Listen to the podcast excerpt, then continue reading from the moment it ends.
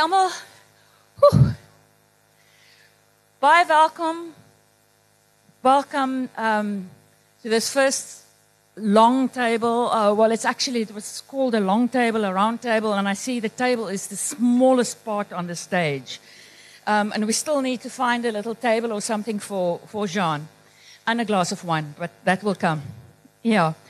Um baie welkom. Ek dink dit gaan 'n absoluut 'n verskriklike interessante gesprek wees en um ongelooflik very very topical. I mean, we lived through the era of Zuma. We're now in the very beginnings of the era of Cyril Ramaphosa.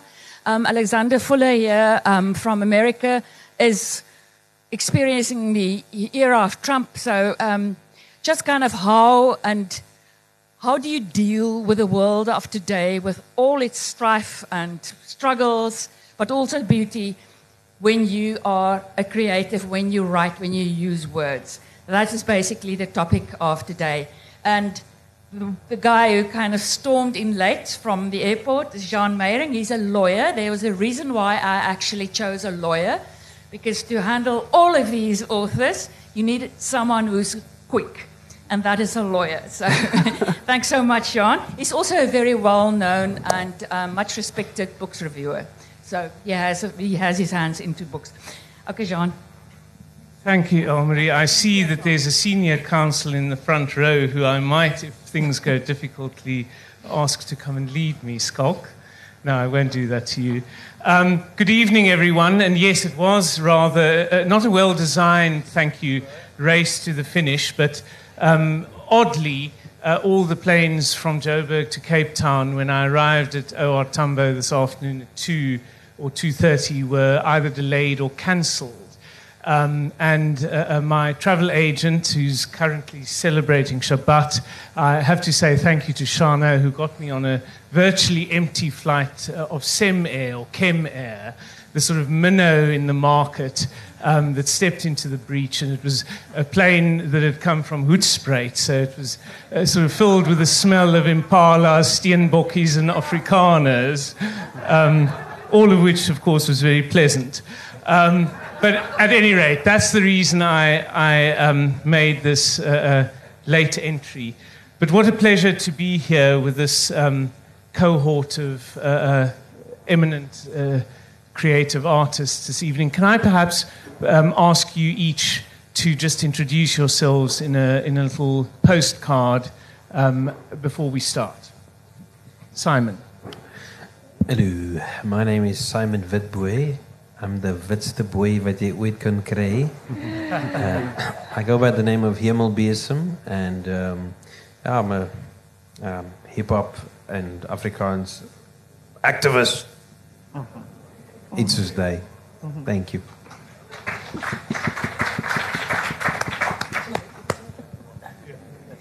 Um, my name is Janine. Um, Afrikaans of Engels, nou wil ik nou. Ik weet niet wat er een om te swing doen. He.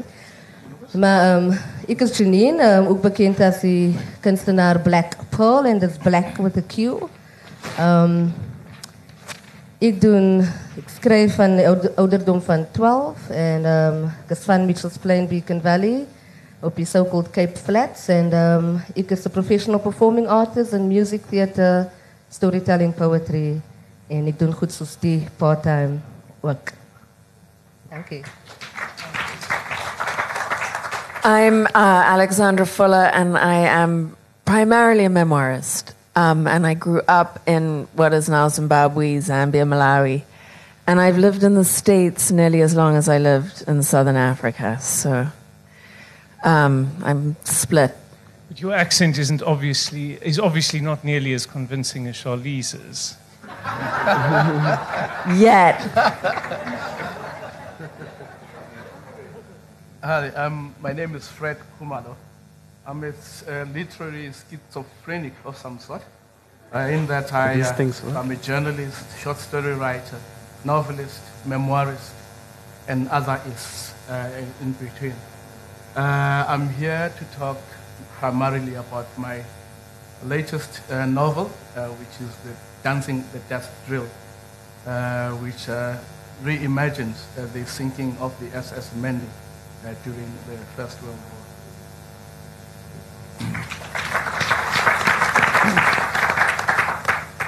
Um, goedenavond, my name is Marita van der Vyver. I'm even more schizophrenic than Fred next to me because I write novels um, for adults, for children, for YA fiction, um, memoirs, uh, very wide. I've even written two cookbooks, believe it or not. Uh, uh, so, yes, so I'm also trying to survive as an, as an Afrikaans writer um, living in France. It's not altijd makkelijk nie, maar ja, that's me. Um, my name is Eben Venter, and um, I'm an Afrikaans novelist, and I've lived almost half of my life in Australia. And um, I've actually written my most recent novel in English. Um, it, the title is Green as the Sky is Blue, and it'll be published by Penguin in August.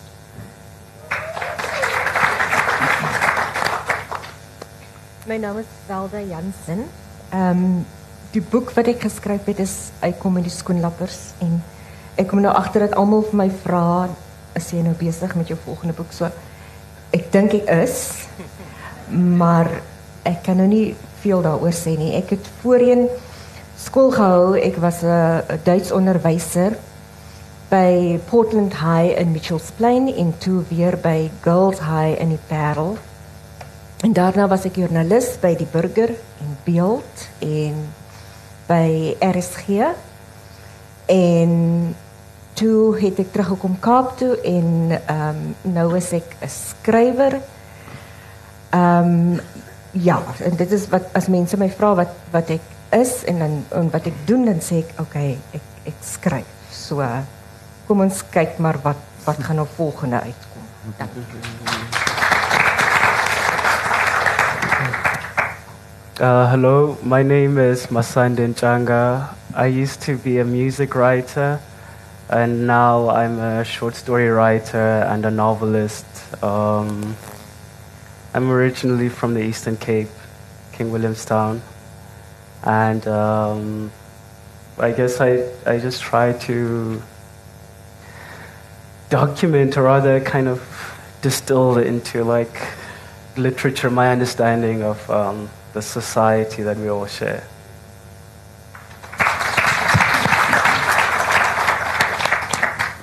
I'm Fani Naudé. Um, I'm a lapsed lawyer. Um, after having been a lawyer for about 16 years or so, I've, uh, over the last seven years, I've been writing pretty much full time. I'm a short story writer and a novelist, and my most recent novel is called uh, The Third Reel, die derde spoel in Afrika. Thank you, everyone. So, so we flanked on that side by a, a, lapsed lawyer, and on this side, Simon, if I'm not mistaken, by a lapsed pastor. pastor in all of all places in Worcester, but sometime after James could see you, so you could do nothing to him. Um, but it is interesting how listening to how uh, the participants uh, at this long table characterize themselves. Um, and Valda, perhaps you, uh, the language you used was most, uh, to me, uh, uh, perhaps poignant. And that is to become a writer, it's, it's not something like a lawyer where you have an admission in court and you know now you are a lawyer. Um, and each of you, in your own sort of specific way, on that side, Fani said he was a lapsed lawyer. At some juncture, at some point, he must have decided, well, now I am uh, Holy of Holies, a writer. Marita was a journalist. Um, uh, you were a hooligan before, if, if your memoirs are anything to go by. There are a lot of uh, uh, teachers and, and journalists, and of course, being a journalist is not necessarily being a writer in the full sense of the word. So I'm intrigued to know um, what was there, and I'm going to perhaps start on Fani's side, reverse the trend, and ask, and perhaps because he uh, coming from the dark arts of lawyering is must have been the most sort of Damascene or epiphanic experience to say, well, I'm turning my back on all of that, and and now I am a writer. Was there such, and I ask that of each of you, and you don't have to go strictly, you can be unruly, and you don't have to go strictly in, in the reverse order, but I will start with Fani. Was there a moment um, and what was that moment, if, if there was such a moment when you realized, uh, oh God, I'm a writer? Um, I'm not sure one ever quite reaches that moment. Um, there wasn't a Damascus moment, I think. Uh, I think I've, since a reasonably young age, I've, I've you know, used to scribble things. Um, then, um, you know, law, lawyering or professional career seems to be the, the vehicle for various other, uh, the, the, vehicle to get to various, various places that um, a writing career might not seem as might not seem as obviously suited to. And, um, and then somewhere along the way, one thinks, um, one arrives at some sort of destination or semi destination, doesn't quite know, and don't know quite how you got there. I think for me, uh, perhaps in the most pragmatic terms, when I was living in, in London after you know, many years of, of being a lawyer there, in 2008 with the, uh, with the financial cataclysm when there was a sense of panic in the air. Um, that somehow in me triggered the, uh, um, the ability to, to look at, at my, my, my life and my existence in, in a somewhat different way. And then um, I realized that there was something else I've always wanted to do. There's, there's another place I could go back to. And then I did this very strange thing, um, which my colleagues in the financial world in London couldn't, couldn't comprehend at all by coming back to the southern, southern edge, returning to the southern edge of the world, and start writing and start writing in Afrikaans at that, and literary prose at that. Um, so, um, yes, a very irrational thing to do. So, uh, uh the only thing worse than writing in Afrikaans was the cataclysm of 2008, basically. Sunday. At which moment I felt like I was a writer? Yes. Uh, was there such a moment? What was that moment? Oh, um, I guess I started writing pretty early. Um, when I was young, I moved around different schools a lot. Um, my parents were always trying to kind of move to a better neighborhood or like a place that had better schools as well. Or sometimes I just kind of was very disagreeable. So, like, I'd come back home and I want to go back, and then they'd indulge me.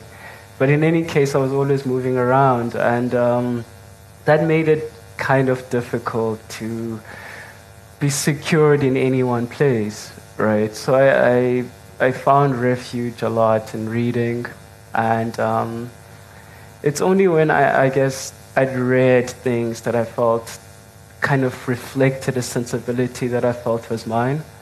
And it just felt like such a gift.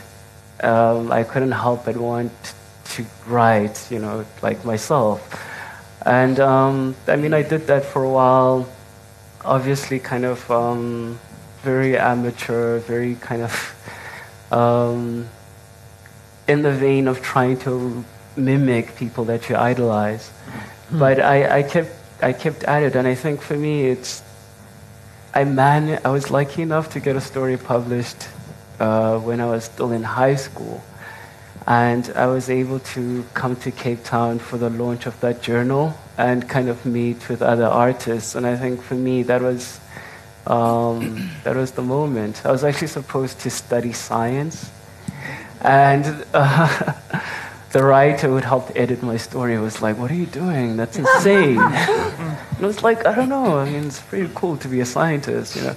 But um, I kind of uh, I carried on with that. And um, but in terms of being a novelist, I think for me, it's it's it's uh, like Fani said, it's an ongoing it's an ongoing process. I mean, each time you learn all these new things in terms of like what how you can structure a novel or like, you know, um, yeah, like all these different things you can do with it. But in terms of when I felt like a novelist, I'd have to say for me was probably the point at which I got my proofs back yeah. from my publishers, and I was comfortable with the prose in the sense that um, it felt alien and removed enough from me to feel like you know something that lived off its own and not something that I'd read and then cringe and be like, oh my God, why are you telling people this? It's a modern alchemy. yeah, more or less, yeah. Valda?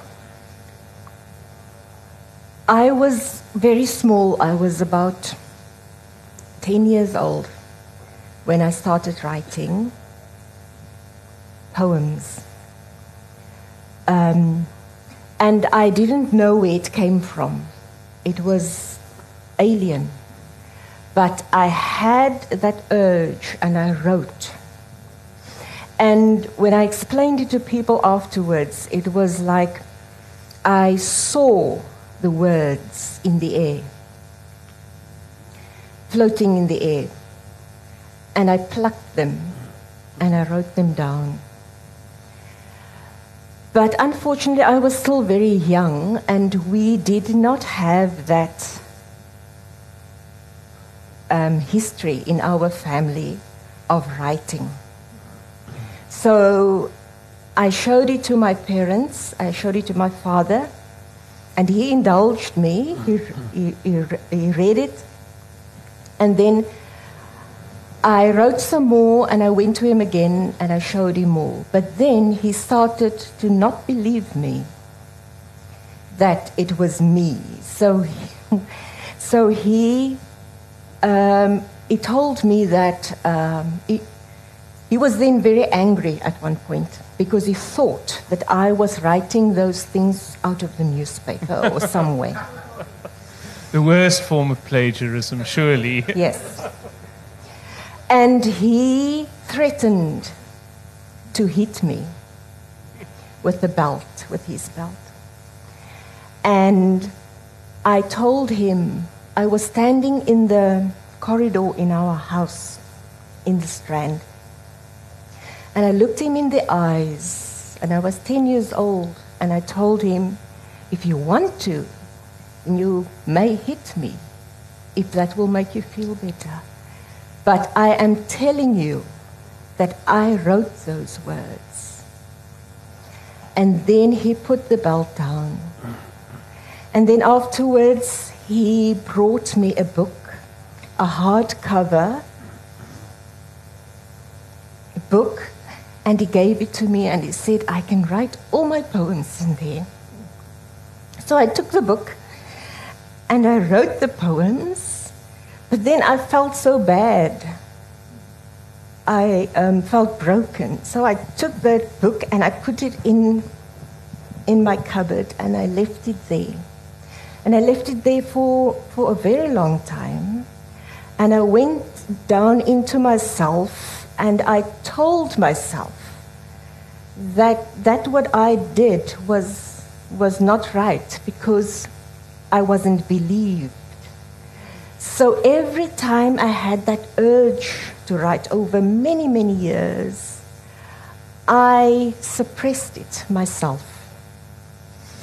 And I grew up and I always had this feeling that I want to write. And I always wrote very nice um, essays at school, at university. At uni- I went to university and I did all these. Um, languages. I did Afrikaans and English and German and linguistics because language is my thing and words. But it took a very, very long time for me to, to do what, what it is that I feel makes me feel like, like somebody um, because I did all kinds of other things. I became a teacher. And then I became a journalist. And every time to work with words.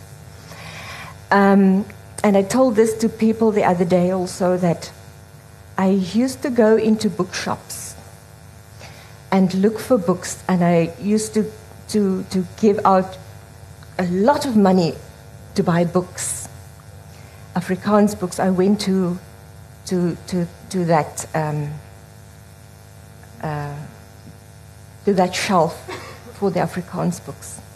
And I bought everything and I, and I read everything over the years. And then I realized something that I was looking for something on that shelf and I couldn't find it there. And then I thought to myself, but what is it? There was an uneasiness inside of me. And I thought, what am I looking for? And then I started to realize that I am looking for the book that I have to, to write. So I did that. So that is the book that was published two years ago.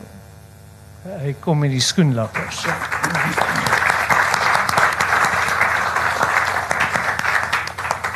Eben, Um, I was a total outsider at school, and um, I also, I think, like Masande, found refuge in reading. And I had very, very good Afrikaans um, teacher called Charles Milan, and he introduced me to the Sestigers. And I had, I had no heroes whatsoever. But I did think that these writers, like um, Etienne Leroux and Jan Rabie, that they, they became my heroes. And I, I, I thought one day when I'm big, I would- would like to write like them. And um, I always made notes uh, from that time onwards. Uh, during my army days, I always made notes. And then eventually, I thought I'm ready now to write my first uh, collection of short stories. And um, when I migrated to Australia in 1986, I became a chef. And uh, I had uh, two restaurants, and uh, but for me that was always um, a, a, a means. Um, what do you say? Um, a middle tot 'n doel. Um, and um, so I always fi- uh, I was able to finance uh, my my writing sabbaticals in that way, and um, then I wrote my first um, novel in Ireland actually, and that's how it started. Rita. Ehm ek kan nie onthou dat ek ooit enigiets anders as 'n skrywer wou wees nie. Always wanted to be a writer and I don't know where it comes from. Ek is glad nie uit 'n familie met skrywers of kunstenaars of enigiets nie. My mother was a nurse, my father worked for the bank. My one opa was a policeman and the other opa a postman. So working class um, Afrikaans. Uh, it was really weird, but I just always knew. I wanted to do that, um, and I was too. I was a very timid child, so I could never tell the teachers or my friends or anybody that I had this impossible dream to become a writer. So I decided I can become a journalist because it's a stepping stone. I actually afterwards I um, justified it by saying I had to learn to to write the truth, if you can call journalism the truth, um, because I actually wanted to tell lies. I wanted to write fiction, always. Um, and I started in school, and I, I, I wasn't into poetry and things like that, but I discovered Antjie Krog when I was about 16 years old, and she wasn't much older then. She's written her first collection of poetry as a, as a schoolgirl. And suddenly I thought, before that, I thought, Afrikaanse gedigte is geskryf deur dooie wit mans. Dit gaan oor dinge, mense wat doodgaan op plase. And then I suddenly realized, wow, you can jy kan Afrikaanse gedigte kan ook oor oor met my praat. And um, and I started I was the poor man's Antjie Krog. I got a bursary to study at Stellenbosch with three poems that I that I wrote in the style of Antjie Krog. Uh, I got I got to um, the Opperman's uh, laboratory. Um, and, um, and I decided, no, my poetry is too bad. I must do something else. Uh, and yeah, and toe begin ander goed skryf, but it took me quite a few. I studied quite a few books because I started very young. My first book was published when I was 22. Jeugdliteratuur, youth, because I felt I don't know, I can't write to grown-ups. uh, you know, in, everything over 30 was old. But I could vividly remember what it was like being 16. So I started. And then by about the age of 30, my excuses ran out. I, I uh, tackled adult fiction. It took me many years, and I was quoted that to, to call myself a writer without, um, sonder om aan my neus raak verleë. Um, because I still have that. After all these years, writers to me are groot mense. bigger, big people. Uh, Shakespeare is a writer. Um, so I still have a little bit of that Afrikaanse meisie wat nie eintlik kan glo dat sy nou skrywer geword.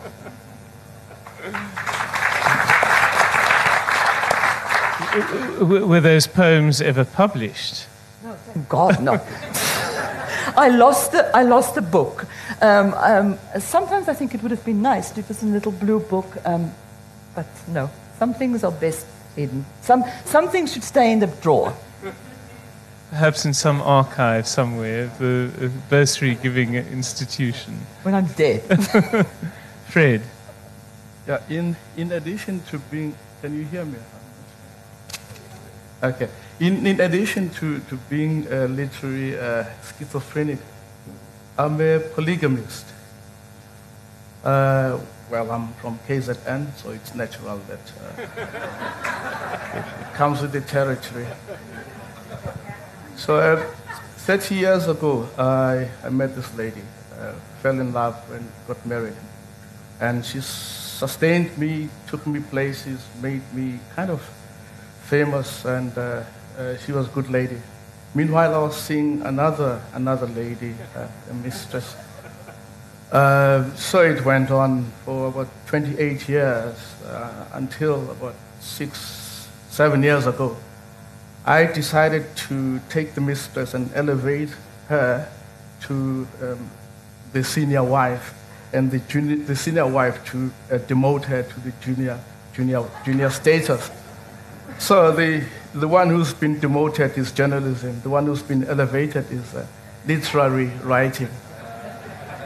So I've been writing uh, like Marita as a journalist for a long time, but uh, after hours I would write a, a, short story, send it out. Thankfully, I was published quite early as well uh, in terms of short stories and poetry, and that gave me the impetus, the encouragement to go on I got published in Staff Rider when I was 19, and uh, short stories and so on.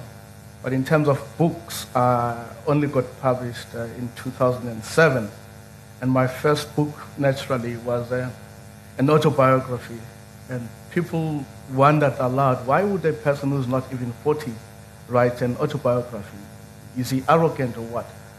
But I, I grew up in KZN at a time when the province was on fire the ANC versus Inkatha war, and I was central to that because I came from the township and I also was a journalist. I saw what was happening. So in telling this story of mine, I also tell the story of the time uh, in KZN. So that was my first book uh, in 2006-5. Uh, 2018, I've published uh, seven books ranging from uh, autobiography to nonfiction to three novels. And uh, I, I, write in English, but my very first book in Zulu, because I've always been scared of writing in Zulu, which funnily is my home language. But it's a very intimidating language to write in, because you have to know your stuff. Um, so I wrote my first novel in Zulu uh, last year. It's coming out this year. So uh, I don't know what the Zulu academics are going to say, because uh, I was born in a township. My Zulu is not uh, up to standard sometime. So I'm, I'm just looking forward to the, um, reception it's going to get. So why do I write? I write uh, to tell the truth, uh, to and earlier on, you used a very beautiful word, erasure. Erasure. Uh, you know, it's very nice to sit with people who speak English language as the first language, get new words.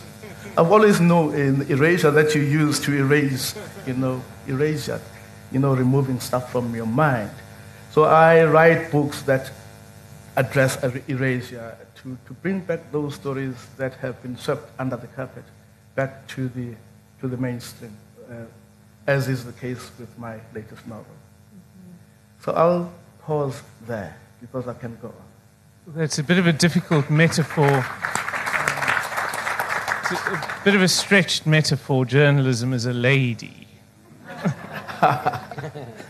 Alexandra. Um, I didn't have a choice because my mother um, w- was raised in Kenya at around the time of Beryl Markham and out of Africa. And she thought she was at least that glamorous and she should have her own biography, but she was too lazy to write it. So when she was pregnant with my older sister, she read my sister the entire works of Shakespeare in the womb in the hope that my sister would hop out and be like this literary genius. And what happened was my sister was born and she's willfully illiterate. She won't read or write. She won't even, like, even, even her vocabulary shaky. like, she doesn't, she'll find sort of, she'll get close to the word, but she won't nail it. So she really frightened people by mistaking hitchhikers and hijackers. So once my mother had failed with my sister, she fixed her literary ambition on me. And I kind of didn't have a choice. And then at, at, because of the civil war going on, they closed kindergarten. Well, they didn't let us go into kindergarten. And so the authorities in Salisbury sent correspondence packets out for the, you know, parents in rural areas with these, which I'm sure worked out for some kids but I had my mother, and so she would get this packet, and we were, and she'd go, oh, well, I don't know, darling, maths, I can't do maths. And she would throw that away. She'd go, you know what? When you grow up, you can pay someone to count for you, but you can never pay someone to write your book. And so then we would do these endless stories, and they were all about her. and I somehow managed to survive this mother and this childhood and all the rest of it. And I then left to the US. I met an American in Zambia and I didn't understand anything about him. And based on that complete misunderstanding, we had a 20 year marriage, like every marriage. And but I went to the States and uh, sort of having freedom of speech. And I hadn't made a plan B for myself. I was going to be a writer. Um, and so I wrote 10 novels and they were all rejected. And my agent fired me. And she said, You may have a little bit of talent, but you don't have a story. And I went, uh, that's when I became a writer, when someone told me I couldn't do it. And so, and you know, really what I wanted to do was redress the, I mean, talk about erasure. There was some other, the intellectual dishonesty I felt of, of what had, you know, the books that I had been raised on the sort of white narrative to make it sound like a picnic, but it never said what the, what the underbelly of that, of, of that sort of oppression was. And so I wrote don't Let's Go to the Dogs Tonight, this memoir, which really was everything. It was the drunkenness and the pedophiles down the corridors and the whole, you know, I, I, we were joking. I was like, if people had seen what we actually were as white supremacists, the whole thing would have fallen much sooner. But I was too young to get published. Um, and so they really regretted educating me, upshot, because it taught me to read and write, and I let all the cats out of the bag. so, so the, the, sister of whom you speak is Vanessa, also known as Mrs. Malaprop in uh, uh, Leaving Before the Rains Come, who at the very outset, and are many of these instances, um, you speak with her over the phone from the US, and it's about your dad's impending but never uh, uh realized, or at that junction, not realized death. And you say, Oh, uh, the Bible, Vanessa said, calmly exhaling. Oh, I said, Well, no one in their right mind takes the Bible literally. I do, Vanessa said. exactly, I triumph. That one. She's the one who said, Bobo, it's going to be so awful when dad dies. I'm not going to be able to do anything. You'll have to do the urology.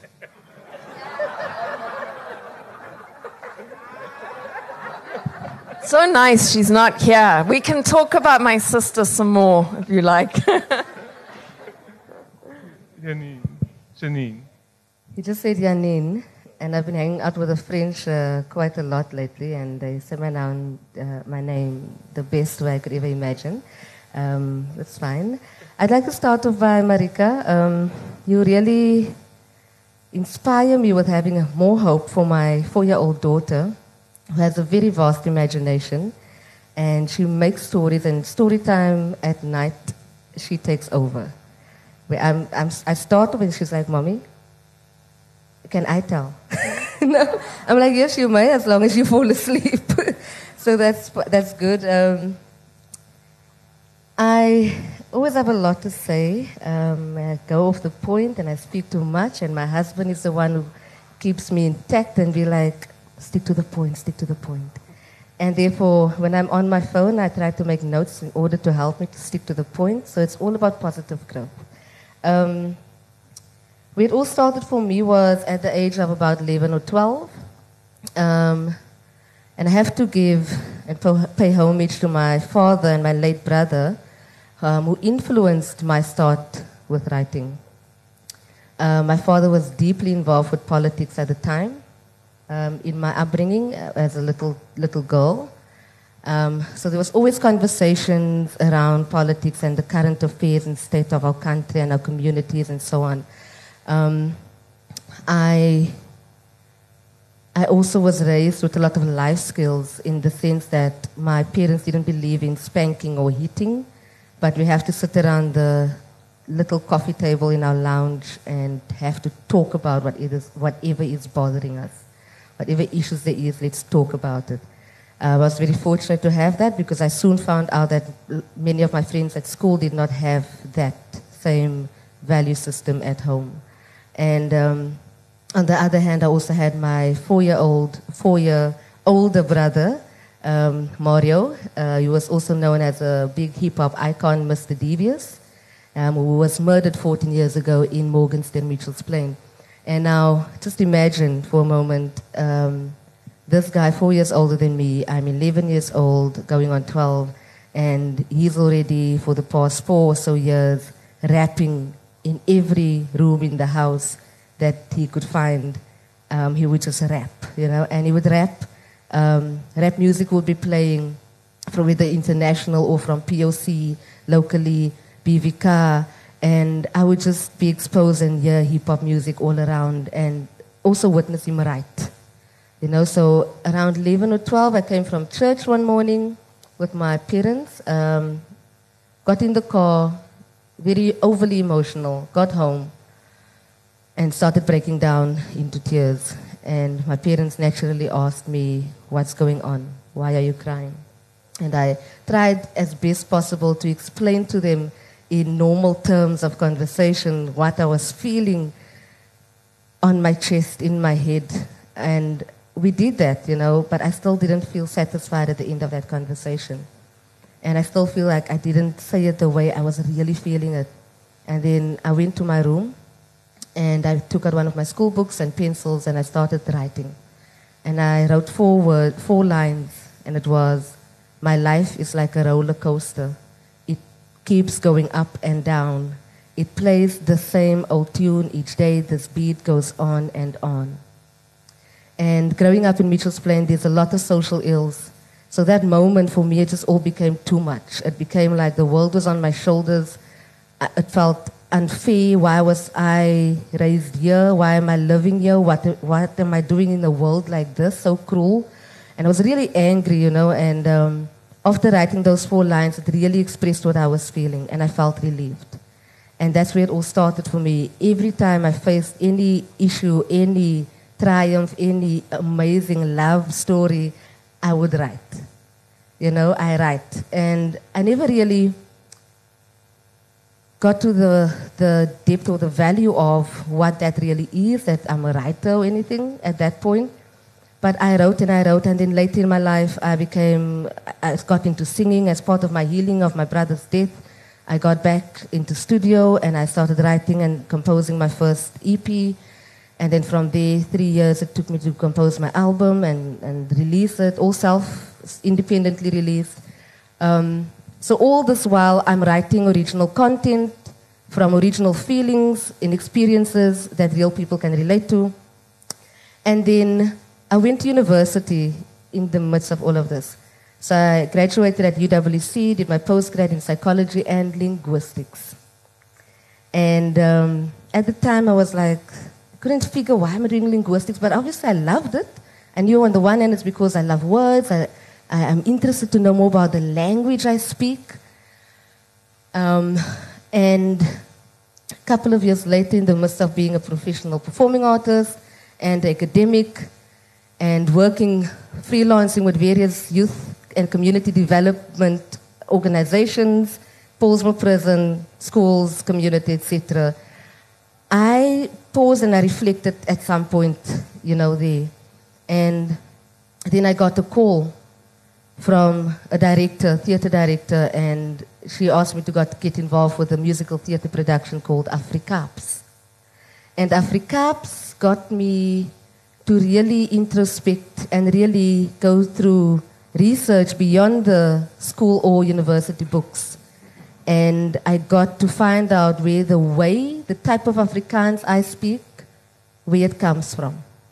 You know? Um, and through that journey, I felt empowered, I felt liberated, I felt more proud of my, the way I speak Afrikaans. And, um, and the spark started with, yay, it's time to, to write, to, to, to Oh, wait, wait, before that happened, in the midst of Afrikaans was a lot of invitations to literary festivals. Amongst panel discussions like this, and everyone has books, and I'm invited to these festivals, and I don't have a book. And then I just got tired of that, and I said, okay, next step in my journey is getting my book out there. I met with publishers. a story I left in the past. Um, but I, I parked the whole project after research and meetings with publish, publishers and didn't go well. And um, I just parked that whole project of getting my book out. Then my daughter was born uh, about four years ago, and that project just came back up. And my book was born after her birth, soon after, in 2015, in fact. And um, I self published, and my book was titled, or is titled, Karada so karada is a very Kaapse Afrikaans word uh, that means look there. And um, I'm very proud of that. But to the moment I got to that point of, I'm going to get my book out there. I'm going to compile all my writing with as many as I feel comfortable getting out in public. That's where I think, aha, I'm stepping over a threshold. I think I'm going there. So, thank you. Simon. Yeah, but I think every colored I know is a writer, you know. When we speak, we have the subtitles going. My broer sien waarvan ek praat, you know, he's busy writing as he's talking the whole time. Ek weet nie. Um, uh, you know, for me, I don't, I don't know. You know, we probably have to redefine the idea of a writer or author, you know, uh, especially in the day and age where we are now, uh, in terms of the, the people who blog, people who, the Facebook posts and everything, people follow the stories and the narratives and stuff. Because to me, um, you know, where I grew up, we, everybody's loud praat hard, almal praat die mekaar. I have a show on on on on, on RSG. It's a shameless plug, you know. It's Mondays evenings. But what we did is uh, it's just me and a friend of mine, and, and this is I want to substantiate this. It's me and a friend of mine, one, one mic in the middle, and we just say, okay, the topic tonight is anger, and then I start recording, and it's a whole cacophony uh, van die mekaar and stuff. But uh, I wanted to showcase that the sanity in that but what I found in literature is my people were just silent there, you know. It's so hard. They, they speak so loud. They have so much stuff to say. And the writers in my family is my grandmother, Auntie Oma Annie. You know, I, I, I, had the privilege of sharing the eulogy there, and I was standing there, and I just, I had this thing written, and the vrommel ek het net so op and I uh, threw it out there. It's in the Roman Catholic Church and I started freestyling, you know, because she never was educated.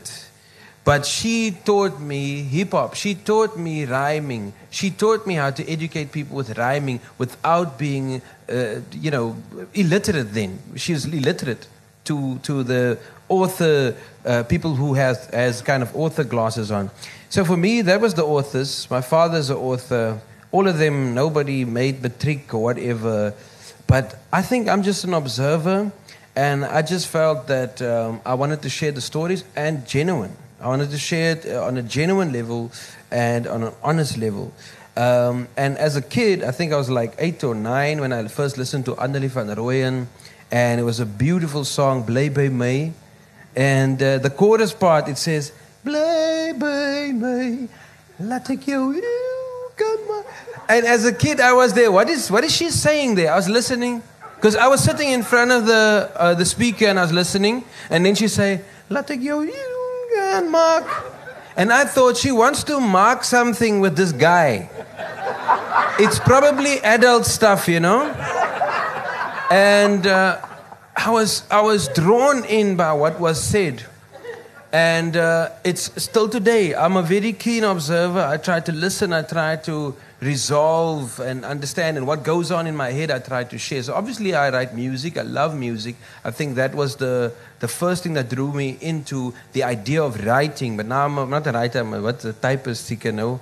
And uh, so for me, it's just important to share what I consider truth right now you understand? Because I think that is a bit lacking in, in the world currently for me, and especially the the uh, the colloquialism, or I don't know share this as colloquialism, but for me it's Afrikaans.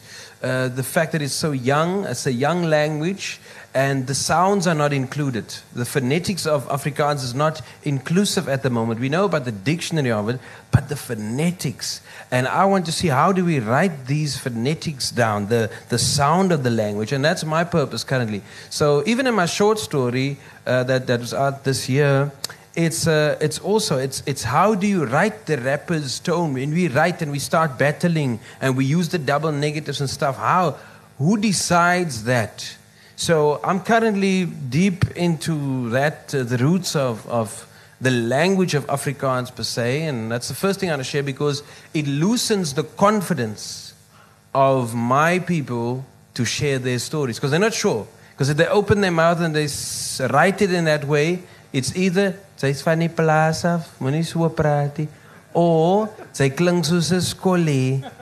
It's either one of those two, and that takes the confidence away from their pens and their mouths. So for me, I just want to share it like that. And I, I actually moved to jo- Joburg to sit down with the editors because a lot of the words in my book I needed to define myself, and even the writing of it, the spelling of it, it was important. So I think I'm just there now, um, but I still have obviously a lot to share.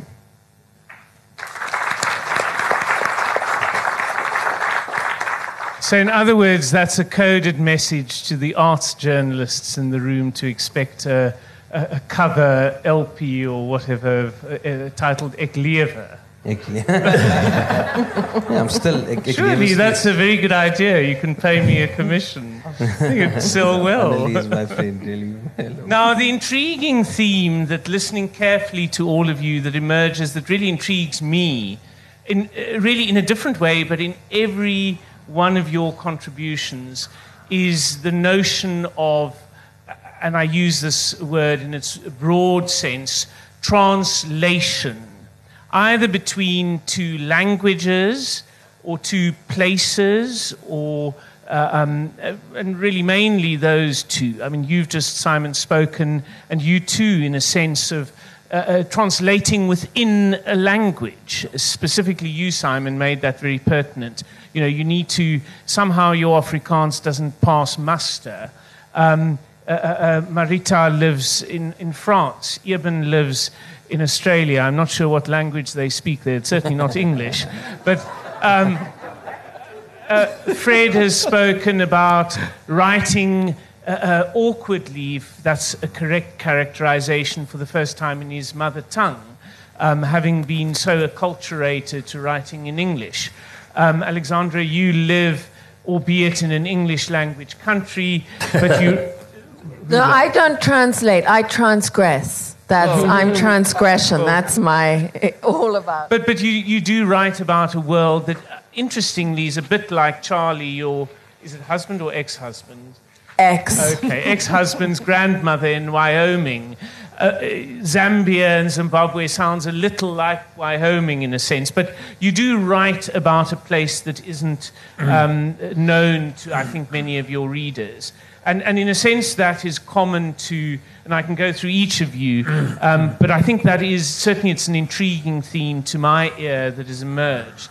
And I want us perhaps to just explore that a bit. And we're not going to do the, uh, um, the, the run as we did now. I'm going to uh, churn up, as it were, the, the order a bit. Masande, I'm going to start with you.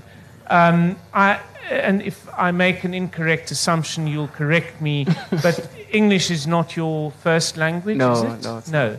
So you also you write in a language which is um, uh, very different to the one that you would have spoken at the Yeah. breakfast and the dinner table at home. Yeah. What is that like? Why and, and how? Um, it's actually got uh, quite um, I suppose it's it's very storied in a sense. Um, it's linked to what I said earlier, I guess, about kind of my parents' pursuit, you know, for um, what they perceive to kind of be this idea of um, the better education leading off to like better prospects in life, etc. And kind of working um, their way towards that. And so that's one of the things that we had to do from a very young age. You had to have a very strong facility with this language. And of course, you grow up in such a way in that you encounter it for the first time and it's completely foreign, right? And it's something that you have to, to learn. And um, so there's so much cultural pressure around it, and it, it actually feels completely normal. And um, so you pick it up, actually. And it's actually quite funny because um, when I was in high school, I remember I used to, uh, because I was reading a lot at the time, you know, eh, as a way to kind of adjust to this new environment, I went to a very Anglican, uh, like, very kind of strange boys' school um, setup thing uh, at some point for high school, right? And so, uh, yeah, I was reading a lot at the time, and um, I guess doing really well uh, in English. And it's kind of like the same question that I, I would get from like my classmates who did actually have it as a first language. And they'd kind of question me about whether or not, you know, do your parents like speak to you in this language? Or like, did you grow up with it? Like, why are you getting higher grades than us? I'm like, I don't know. I actually, I read the material. I mean, it's high school. um, yeah, but it's been very interesting, you know, because you finish matric, right, and you go to university, and suddenly uh, the books that you read, the scope is kind of broadened. Like when I was doing my undergrad and I, I was an English major, you suddenly are exposed to all this literature, you know, from South Africa as well as from the rest of the continent. And you're also exposed to like um, the liter- literary criticism around it. So you start reading up on things like the language debates. You know, you start uh, you start reading up uh, on Ngugi wa Thiong'o, talking about decolonizing the mind, and you know, and how like Chinua Achebe was kind of opposed to him um, on that topic, and yeah, so I went through that as well, and even though I'd been writing before, I became even more suspicious of language when I was uh, an undergraduate.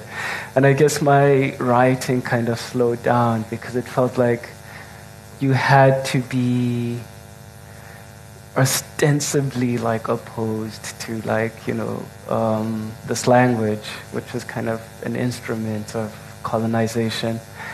Um, so that kind of took me on a detour for a while until I started realizing that actually, you know, it's not that my parents brought me up speaking English, but it was definitely a language that was spoken at home. Uh, my dad um, was a lecturer at a technicon, and my mother was a journalist who wrote in English. And um, so I started kind of coming to terms with the fact that this was a language that I would use in my work, especially seeing as that I'd read so much uh, literature in English. And so much had been translated, which allowed me to be able to read Japanese writers or Russian writers or South American writers Um, but what, when it became really interesting for me was discovering that you could write in the language, but also you could kind of bend it in a way, or at least foreground a kind of friction that exists in like a South African English where it's rubbing up against all these other languages, right? And I kind of try to recreate that in my novel, uh, The Reactive, um, just in terms of, and I remember I had this conversation with uh, my US publishers, for example, because it was incredibly difficult to translate this to them, that it felt really awkward for a character who's Xhosa to say in Umtata as, a, as opposed to Mtata, you know. And it's, yeah, it was things like that that came up, not necessarily translating it into another language, but translating it into um, a place where the English language had a, you know, a different reality and a different history. So um, that was interesting for me. And I mean, it's, it's set in Cape Town. I managed to get Xhosa words, Afrikaans words. And um, yeah, so definitely for me, the idea of translating English is kind of like quintessentially uh, South African. As you, your character Ruan says, Nooit. Yeah. yeah. Um, I had to, yeah, I had to explain what that means. And, I, and there was another, um, actually, when it was getting translated into Italian, uh, my publisher there was also my editor, had this idea that Afrikaans is basically every language that's not English in South Africa. yeah, yeah, yeah and that, a, a, notion shared surely yeah, by some locally. Yeah. and that, I had to tell them, look, I mean, in terms of the etymology, there might be similarities, but this is slang, and it's not Afrikaans actually. And in fact, its roots are in Zulu or, or in Xhosa. Yeah. it was quite interesting. Marita, you live in a place where, um, other than on the internet and over the telephone, I'd imagine pretty little Afrikaans is spoken, and I think your life, to some measure, is documented in magazines. Pretty little English even is spoken. Oh, even English. well, how is that? How is that to sustain? Specifically, and you write novels, albeit literary in nature, um, uh, uh, Cowick or Scott uh, was uh, had a colloquial bent to it. So really, you need to, in order to write a novel like that, which subsequently became a film, you ha- really have to have the ear, the sort of cadence of Afrikaans. How the hell, forgive me, do you do that in a small French hamlet? How do you sustain? Uh, maintain that Afrikaans ear? Well, one word, internet. and second word, frequent visits. Um, uh, I, I, wouldn't have been able to do it maybe 20, 30 years ago, but now I can listen to a podcast of RSG, Radio Sonder Grense, in, in my French village. Um, I can read all the Afrikaans newspapers um, on internet. I can listen to, uh, through YouTube. Um, I can listen to Afrikaans music. There are some Afrikaans music that I really like, and some I don't want to listen to. Um, but so really, that, that is a, a thing that's constantly there. But then I do think that to really, and I suppose Eben would agree with me there, and um, Alexandra, you too probably, to really keep in touch with, with what's happening in a place I think you have to physically also be there as frequently as possible to smell the smells and, and feel the feel and just sit in a, sit anywhere in a, in, a, in a cafe and hear, listen, listen. Be the fly on the wall because that you can't pick up on internet and really listen to how the language changes. And, and I love doing that. Um, so I think it, it's probably in the compliment for me, but if you think I, I can manage it, but but that is what all writers do, don't we? We listen yeah. to how people speak. And you mentioned Eben, and of course, Eben has lived abroad, prob- not probably for longer than you. Um, say, uh, well, in 1986, you said Eben, the same date as Etienne, the central character in Die Derde Spoel of Fani, moves to England uh, uh, out of no choice of his own. Um, Eben, you wrote the very interesting novel. Uh, you've written several interesting novels, but My Sympathise to me, was very interesting when I read it roughly at the time, um, was because it was an Afrikaans novel uh, uh, written in and about Australia. And uh, the central, uh, certainly there was some Irish in it, but it was a, a novel set in sort of upper class suburban Australia through medium Afrikaans. That utterly intrigued me at the time. It required a sort of dislocation, both from the writer and from the reader, to, because Afrikaans is such a tribal language. Um, uh, uh, uh um, it's so specific to here. Um, how did you do that? And in a sense, of course, in your most recent novel, you did exactly the same. Um, how do you do that? Hoe um, I'm not sure if the register actually worked in that novel, My Sympathy, My simpatie Cerise. I don't think I should have ever published that novel. but um, I think, I'm not sure if I'm answering your question, but for me it was um, a shocking thing to, to emigrate, you know. Um, I felt um, very much um, dislocated from everything here that I loved and hated, and that I had a, emotional ties to. And um, suddenly I was, you know, in, in Sydney, where people do actually speak English. and um, I think uh, then I started. Uh, I, I, love Afrikaans and, and, and all its uh, crazy words like holderstebolder and bollemakiesie. And uh, I would always collect these words, which somehow over there sound different, and it's as, if, as if they have more weight and, and a different sense. And then I felt I have to write something to, to try and make sense of um, a part of, of my life here but fictionalize it. And um, so then I think I wrote my first novel, uh, Foxtrot van die Vleiseaters.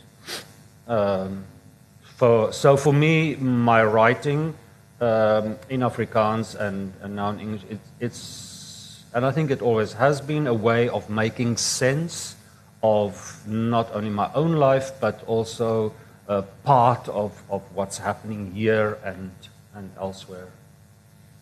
Out of interest, you wrote uh, Foxtrot when you were already there. Yeah.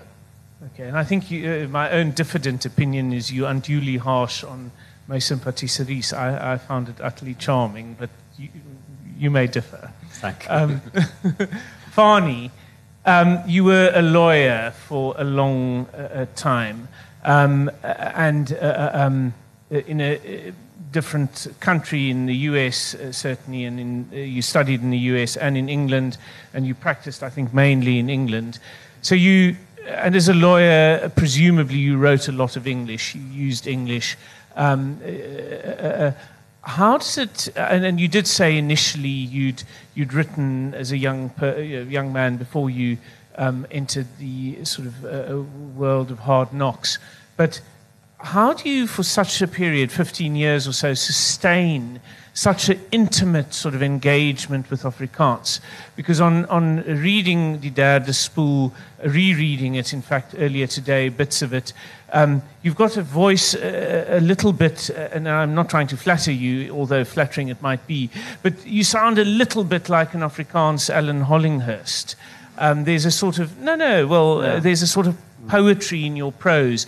But how on earth do you uh, get back to that sort of level of prose writing in a language from which you were divorced for so long? Mm. I mean, is it, is it a really studied, engaged process? Do you, like Eben, um, uh, collect words, use the dictionary, revisit sort of texts?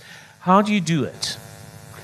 Um, no, divorce it certainly was for a very long time. Um, I'm not quite sure I can answer your question in a very in a simple way. I think the the archives of the mind work in strange ways, and unlike um, Marita, I didn't, you know, at the time, first when I lived in the U.S., lived and worked in the U.S. and then in the U.K., I had barely any contact with um, other South Africans, or at least certainly Afrikaans-speaking ones. Just not because I was necessarily actively avoiding it, but simply because I was um, started working for an American law firm and then um, um, went to London and worked for an American law firm. So essentially, um, I think the Afrikaans was entirely dormant for something like 17 years. Um, and it's something about the energy of, of, of, of suppression about it, I think. Um, odd things happened to the Afrikaans, I think, in that period when I didn't speak it or hardly ever spoke it, perhaps once, you know, once a month on the telephone and once a year for a few days in South Africa. Um, I'm, tr- I'm, trying to figure out what happened to it. Um, I think perhaps, um, and you may, may know this as well, but if one studies in certain places in the UK and, and if you work in the professional world there, where in certain professional spheres, then you often work with people who have this kind of a fantasy of, of Elizabethan English just below the surface. So there's, there's often a kind of overly formal English um, is being spoken, and possibly something of that sort of work back to the dormant Afrikaans. I don't know. Um, and then there's, um, as I say, the energy of suppression, the fact that suddenly just re-emerges. I'm not quite sure where from. I did read quite a bit of Afrikaans, and I used to the, the, times that I did travel to South Africa, I would take back a little stack of Afrikaans books. Um, so something of that was was at work, you know, at a subconscious level, perhaps. Um, and then there's, as I said, there's the re-emergence, as if one, you know, digs in a garden and finds an old toy. Um, and, um, and then I think one's new approach to Afrikaans then after such a long time is very is, is somewhat different. It, you approach it almost like a second language with a sort of hyper consciousness. Um, it's, it's, there's a certain foreignness about it that, and, and the engagement with that foreignness releases a certain kind of energy. There's a certain tectonic movement, uh, I think, um, catalyzed by that.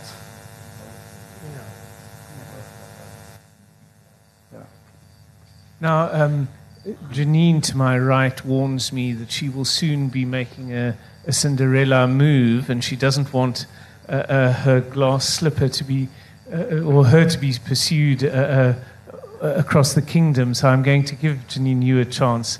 Um, you spoke earlier um, about uh, sort of recognizing the, the, sort of important um, juncture at which you recognized the Afrikaans that you knew um, uh, when you saw, well, that was also a literary uh, mode, the, or, or a, a, mode of literary expression. Who were the, the Afrikaans writers, if any, that you read as a younger person? If you say that you, know, you needed to find expression in your Afrikaans, were there any Afrikaans writers that, uh, or singers, or uh, artists that, that you sort of could uh, draw, draw upon? Not many that I was exposed to, in all honesty, um, besides the hip hoppers, you know, um, like POC, like I say, Bivika, Devious, and, and some others. And then Yamo I met later, befokte lyricists, um, authors, you know, that's not recognized in the mainstream um, society as, as, as, as specific, like writers or um, popular authors and that, that kind of thing back in the day. Um, so yes, as a child, I wasn't exposed to much um, Afrikaans literature, especially the type of Afrikaans I speak. Um, the the so-called, um, like we were taught in school, the literature was as so-called suiwer Afrikaans. And I had a big issue with it because I could never really relate. And I always felt uncomfortable expressing myself in that type of Afrikaans. And, um, you know, so no, there wasn't many that I could, that I was exposed to. Um, only late in my life, when I was uh, more more confident and older and a bit wiser, I could take you know um, control of that in my life in terms of choosing who and what I want to read. Um, but yeah, and, and then I also obviously make the conscious decision, decision to change that so that I can be an active contributor to other young people um, in today's time who's searching for that literature that they can relate to. And hence, that's why my book, Karada, um, is where it is today. And I didn't, I wasn't going to wait to be um, appropriated or to be accommodated in order to make this happen. Um, it was purely to change the status quo, just purely to change the situation in, in our communities in terms of waiting and, um, and then also lacking behind because, um, yeah. Cool. Thank you so much for the opportunity um, to you. be here, and I, I sincerely apologize that I have to rush off. I'm running late already for another event, um, international event I'm judging at, and uh, I have to apologize there as well. So please, Thank you. Popularity is not a bad thing. panelists and audience organizers. Thank you for having me. Keep up the good work. Thank you.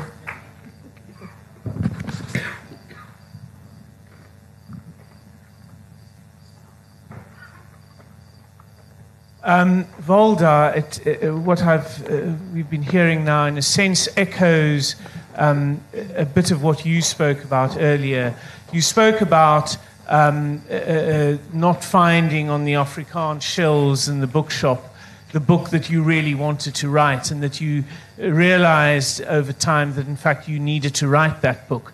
Yet, uh, ironically, and perhaps tongue in cheekly, you might correct me, your uh, the title of your book, of course, resonates uh, uh, very clearly, I would have thought, to Hettie Smit, Sy kom met die sekelmaan, hy kom met die skoenlappers. Was that intentional? And more, perhaps importantly, um, despite the fact that you were looking for your book on the shelves, were there those that uh, nevertheless you had read before, that even though they mightn't have fully satisfied you, that you, in a sense, respond to? Um, okay, the title came afterwards. Um, I had a few. I had a few ideas, and I wanted to um, name the book. Um, uh, oh yes, one of the book is is uh, in three separate parts, and one of one of those parts is called Blank Blank Gelede. And I came upon that title just um, in my mind. I was in my house, and I wasn't working on the book, but I was writing over many years. I was writing bits and pieces. And I was in my kitchen and I saw the newspaper on the table upside down. And I thought I saw blank blank gelede upside down. So I ran across and to look at the newspaper and I looked at the newspaper and, and it wasn't there. The words weren't there. But I knew that, that I saw that, those words and I wrote those words down. But that was quite a few years ago. So I had that with me all these years. But of course, that title wasn't going to work on a book on the Afrikaans shelf. Who was going to buy that book? So I put it inside the book, and um, we worked with something else like die tyd van die because it's about there's this one uh, scene about the butterflies and the migration of the butterflies through Johannesburg and upwards to the rest of the continent and over the over the ocean and it was that image for me of butterflies um, just going somewhere and most of them don't make it, but they go nevertheless. So we worked with that title, and um, it was just before the book was going to be published that someone came up with that title, kom met because um, when I, when there were um, proofreaders reading the manuscript, and some of them mentioned that it reminds them of Hettie Smit's book, um, sy komedie. So, so just before it was published, that title came up, and um, the, uh, the publisher, called me and, and told me about that and what do I think of it. So I thought about it during that night.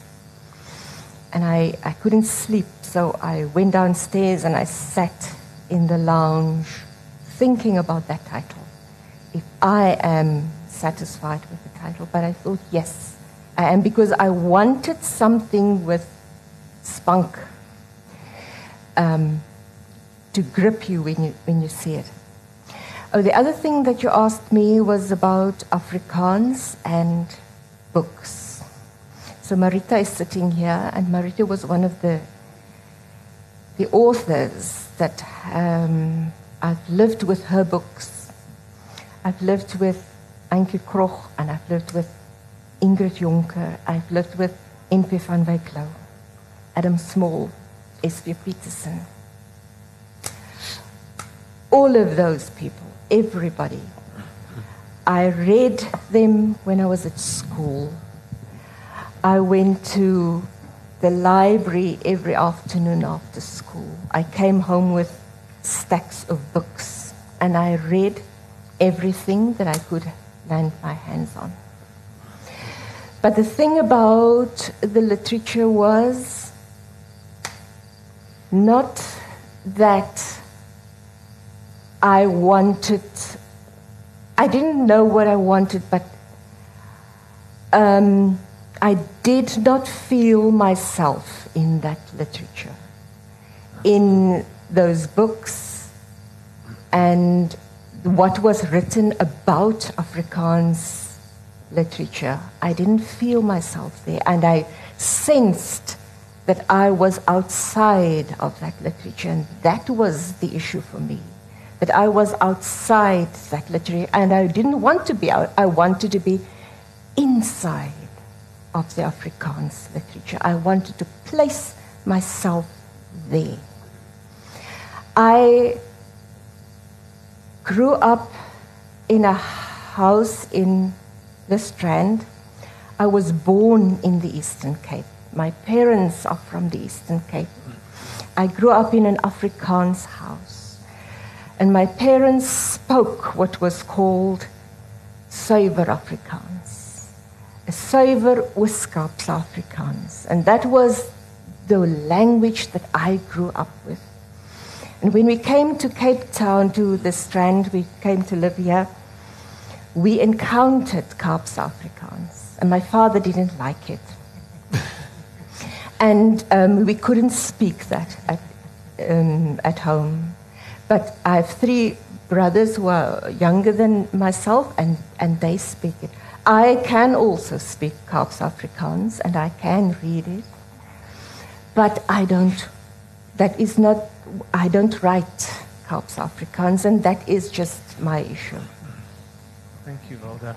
Now, we're now in that stage of the, pri- uh, the award ceremony where the music's going to start rumbling. Uh, um, uh, Elmarie's there standing, so, uh, the equivalent of the drums rolling. So I'm, uh, I, I, want to give each of the three of you haven't had a second spreekbeurt, indeed a spreekbeurt, but I'm going to, let's make it a, uh, rather than a postcard, a post, postage stamp. Fred, the intriguing theme of you writing for the first time while you've uh, written many, many titles in English in your mother tongue, and you set out in brief terms the sort of uh, how perplexed it, it rendered you. Um, I mean, how different is it? Is your audience entirely different? Uh, what was the process like, having uh, uh become established as an, a, a, writer in English, now to write uh, in your mother tongue for the first time? Okay, maybe the question should be, I'm a journalist, you see, I ask questions. Maybe it's- the question you should be asking me. Fair enough. is uh, why didn't I write in Zulu in the first place? When I was growing up, I, I went to school at a time uh, when Bantu education was at its most virulent. I grew up in the township, raised, raised there, went to a township school. Um, but the books that we read in Zulu were all set in rural areas. They were supposed to tell us um, to love the idyllic Zulu past, uh, to, to go back intellectually, psychologically to the past that has been uh, taken away from us by colonialism. um, now, apartheid uh, education was saying we should be happy to go back to our homelands. So hence the prescription of these texts that we are reading. I couldn't relate to them because I can't milk a cow. They were t- telling us about those things. So uh, naturally, I resisted reading those books and even writing in that language, even though I struggled as well with the English language uh, a- at another level. Uh, so now that things uh, are kind of uh, normalizing, I would say, uh, there's a, a growth in the reading market for African languages. For example, the most successful daily language newspaper in the country is Isolezwe in Zulu. So uh, it is setting the tone, and it's given me the confidence to go back and confront the ghost of my language, uh, which I rebelled against because of the status quo of the, of the time. Uh, so I'm still learning my own language, so to speak, in terms of writing. And the issue of writing in English has been very interesting for me. I went to a Bantu education school up to matric, and the people who were supposed to teach us English, they themselves struggled with the, with the language. So sometimes they would resort to teaching us uh, English, dram- English grammar in Zulu. Oh, that's, God. that's how tragic it was at some stage. So, um, yeah, and then for some funny reason, I I think the apartheid state had a very beautiful and morbid sense of humor. People who are struggling with that English language are made to read Shakespeare and Thomas Hardy. You know, you know, uh, uh, unabridged version, the original version of Thomas Hardy. Uh, there was a, a bias in his gait. What the hell does that mean? Uh, we had to. there was a bias in his gait. In English, it means he was drunk. He couldn't walk properly. And uh, Simon, you uh, uh, proclaim as the title of your book, God praat Afrikaans. Now, we've heard uh, um, from yourself and Janine, who's, who's uh, left us, that there are many Afrikaansers. What does the title mean? What, what sort of, what Afrikaans does God supposedly speak? Yeah, it's uh, contextual. You know, it's uh, for me, it's more a love and appreciation for who I am and um, what I dream.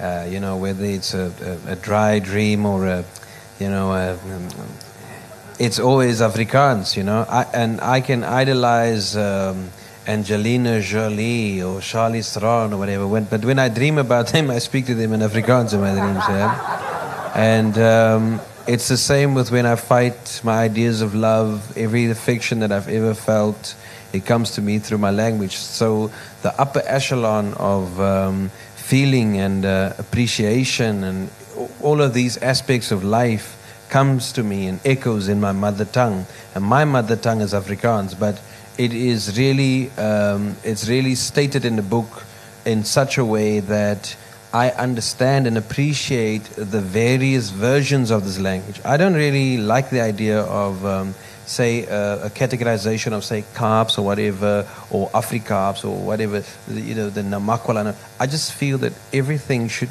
should be included. It's a very young language, so I wrote it in that way. I wrote it in such a way so that the purist can listen and read it and understand but I give them portions of other languages. I'm a Namakwalanarek, as a Namaikent. And it's so important to bring those clicks in. I mean, we're bringing out a series of children's books this year, me and Wendy, for great R's, uh, and really to introduce the, the clicks, to, to, to read nga, my bro is nga. You know, it's so important for the growth of the language to include the sounds. And I'm very, I'm very, um, you know, uh, focused on that at the moment. And the book for me is just whatever the highest power might be in this world and age, it came to me in Afrikaans. And it's a memoir boasting as an autobiography. It's really just a memoir of my observations in the language. Thank you. And uh, there's a, a, little clip going around. I'm not sure whether you've seen it of um, Charlize and a Nigerian actor who teach. She teaches him some Afrikaans, and he teaches her some Yoruba. And certainly, she knows the meaning of the word stucky. yeah. She claims never to have been one, but she knows its meaning. Now, Alexandra, you write um, from suburban, uh, not suburban, well, from the US. I live in a yurt. Uh, I don't have plumbing.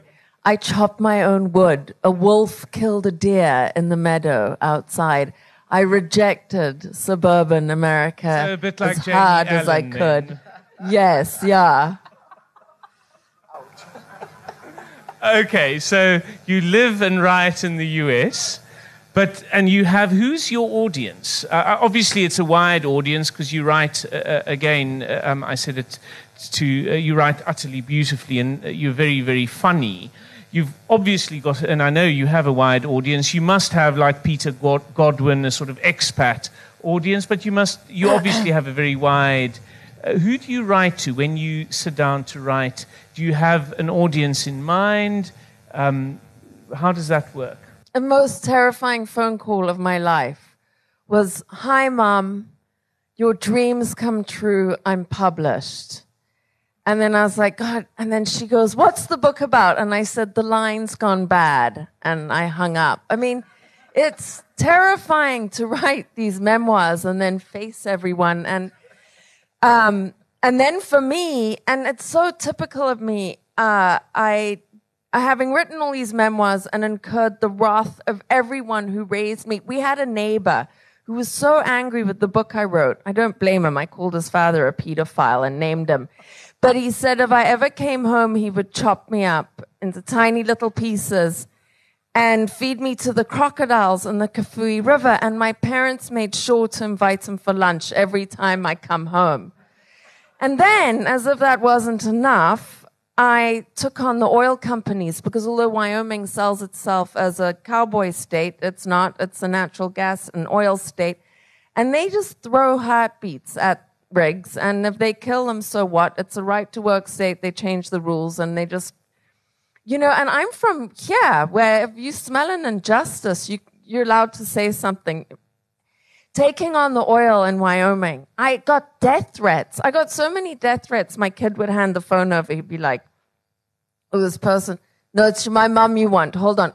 Oh, wait, good luck. And then hand over the phone. So I think, I mean, for me, it was about always, I think this has come up over and over again. I want to say something true. And it's not about sitting in some comfortable suburban remove. It would be for me so revolting and a contamination. For me, it's a dismantling. Every book that I do undoes the person that wrote it. It must. And that next book undoes and undoes and undoes. And I am getting down there. I live in a yurt, 27 round feet. So next book it'll be dog shed and rabbit hutch and but there must be something in it that I mean if you are being honest about the dismantling of the work itself, then it should reflect in your body.